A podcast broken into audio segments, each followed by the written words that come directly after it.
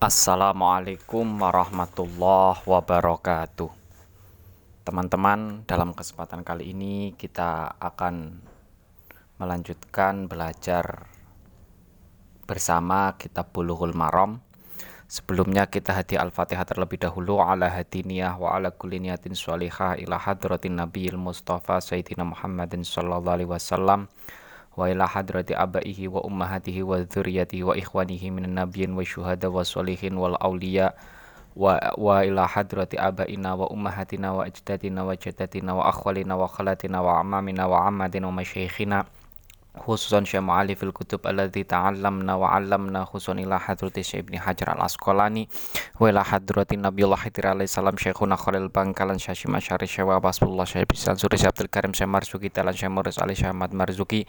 Wa ila hadrati Syekh Mahfudin Qasim jamil muslimin wal muslimat wal mu'minina wal mu'minat al ahya'i minhumul ammat min ummati sayyidina Muhammadin sallallahu alaihi wasallam. al-Fatihah A'udzu billahi minasyaitonir rajim. Bismillahirrahmanirrahim. Alhamdulillahi rabbil alamin.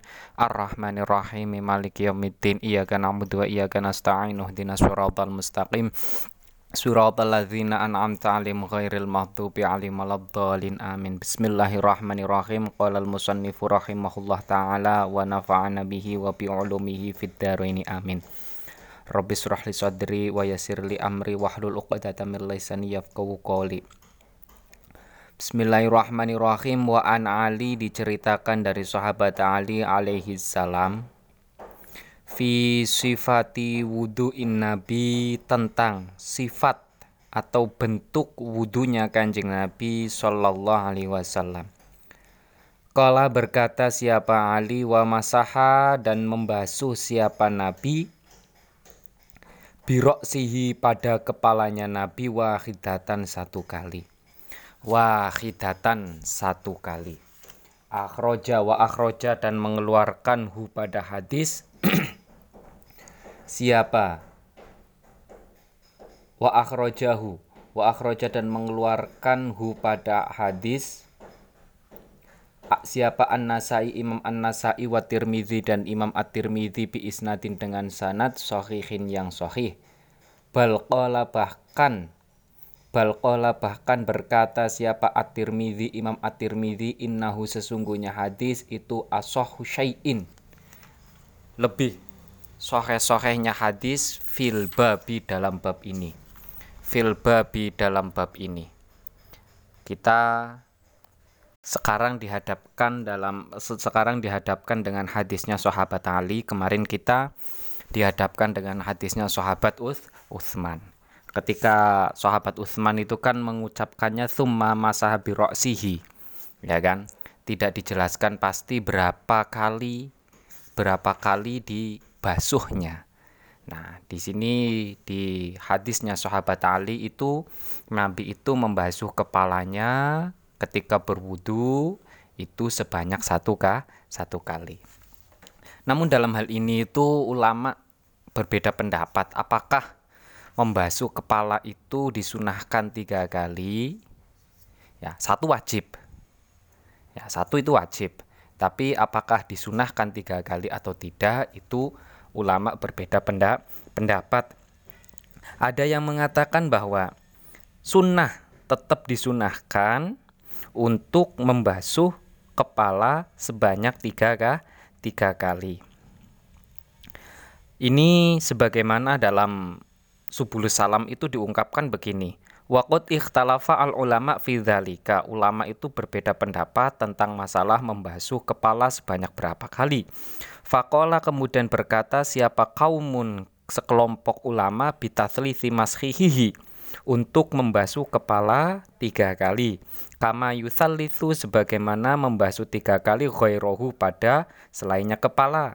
Minal a'udha'i dari beberapa anggota. Idhuwa min jumlatiha karena tiga kali adalah jumlahnya membasuh anggo anggota. Waqad sabata fil hadisi taslithuhu. Nah, bahkan ada hadis yang menjelaskan untuk membasuh tiga kali. Wa in lam yudhkar fi kulli hadisin. Meskipun hadis itu tidak disebutkan dalam seluruh hadis. Zakaro fihi taslithul a'do.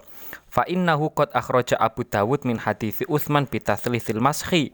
Nah, ini sebagaimana hadis yang diriwayatkan oleh Imam Abu Dawud ya, hadis dari hadis yang dikeluarkan oleh sahabat Uts Utsman tentang masalah tatslitsul mashi, mengusap kepala sebanyak tiga, tiga kali. Tapi ada pendapat yang mengatakan wakilala yushra'u tatslitsuhu ada pendapat yang mengatakan tidak disunahkan untuk membasuh kepala sebanyak tiga kali. Lianna ahaditha Usman as-soheh kullaha kama qala Abu Dawud tadulu ala, ala mashi si marrotan wahidatan. Karena seluruhnya hadisnya sahabat Usman yang soheh itu tidak mengungkapkan membasuh kepala sebanyak tiga kali tapi satu kah satu kali. Ini apa? Ini Berarti berangkatnya sumbernya itu ada di apa di hadisnya sahabat Utsman ya kan hadisnya sahabat Ali itu menguatkan dan menjelas menjelaskan hadisnya sahabat Us Utsman. Nah, permasalahannya sahabat Utsman itu benar-benar mengucapkan apa dalam hadis-hadisnya sahabat Utsman itu membasuh kepala tiga kali atau cukup satu kali. Nah, ada yang mengatakan ada hadis yang tiga kali. Ada yang mengatakan hadis hadis soheh yang diri yang dikeluarkan oleh yang diriwayatkan oleh sahabat Utsman itu menjelaskan satu kah satu kali. Itu permasalahannya.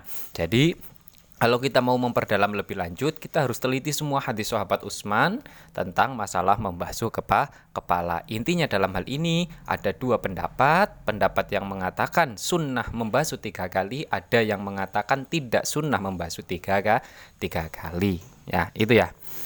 Wa an Abdullah ibni Zaid ibni Asim diceritakan dari sahabat Abdullah bin Zaid bin Asim fi sifatil wudu tentang sifatnya wudu atau caranya wudhu. Kola berkata siapa Abdullah bin Zaid. Wa masaha dan membasuh siapa Rasulullah Sallallahu Alaihi Wasallam kanjeng Nabi Sallallahu Alaihi Wasallam birosihi pada kepalanya Nabi. Faakbala kemudian menghadapkan siap faakbala kemudian menghadapkan siapa Nabi yadehi pada kedua kepalanya wa adbaro dan me oh faakbala berarti memajukan wa adbaro dan wa adbaro dan memundurkan. Muttafaqun alaih ay hadza muttafaqun alaih. Dalam hadis ini oh wa filaftin dan dalam sebuah lafat wa filaftin dan dalam lafat yang lain lahu miliknya Imam Bukhari Muslim Bada'a mengawali siapa Nabi bimuqaddami roksihi pada bagian kepalanya Nabi. Hatta zahaba sehingga pergi bihima atau hatta dhahaba sehingga menggerakkan siapa Nabi bihima dengan kedua atau pada kedua tangannya Nabi ila kofahu pada e, kofa ini bagian belakang kepala itu loh gitok kalau bahasa Jawanya itu gitok. Jadi bagian kepala yang paling belakang itu yang apa ujungnya rambut ketika rambut itu pendek. Itu namanya kofa ya. Bagian kepalanya Nabi yang yang belakang. Sumaroddahuma kemudian mengembalikan yadehi ilal makan pada posisi alladzi bada'a yang mengawali siapa Nabi minhu dari al makan.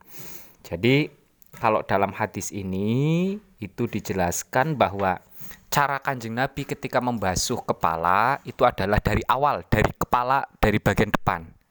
Ya dari bagian depan itu ya yang di atas apa wajah wajah paling atas itu ya.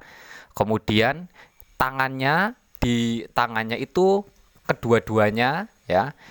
Tangannya itu dipasang di kepala semuanya kemudian ditarik ke belakang kemudian ditarik ke depan lah di ke depan lagi itu cara Nabi membasuh kepala kepala. Jadi nanti seluruh kepala itu terbasuh semua semuanya. Nah, ini caranya Kanjeng Nabi ketika membasuh kepa kepala ya. Nah, makanya nanti kita akan ditarik dalam perbedaan perbedaan ulama. Apakah membasuh kepala seluruhnya itu wajib atau tidak?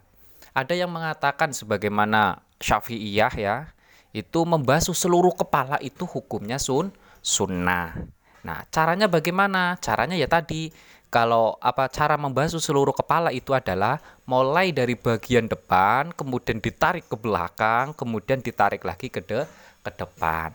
Ada yang mengatakan membasuh seluruh kepala itu adalah wa wajib sebagaimana disampaikan oleh madhab Maliki Malikiyah. Nah, itu ya. Nah, ini terjadi perbedaan ulama dalam masalah membasuh seluruh seluruh kepala. Tapi bagaimana cara membasuh seluruh kepala? Nah, ini pembahasan hadis ini. Cara membasuh seluruh kepala itu kalau Kanjeng Nabi caranya tadi mulai dari awal ya, tangan dibasahi, kemudian tangan apa kedua tangan ditempelkan, ditempelkan ke kepala, kemudian ditarik ke belakang, kemudian ditarik lagi ke de, ke depan ya. Itu cara Kanjeng Nabi membasuh kepala ketika berwu berwudu. Itu ya. Mungkin Cukup sekian dulu yang bisa kita pelajari. Semoga apa yang kita pelajari bisa bermanfaat.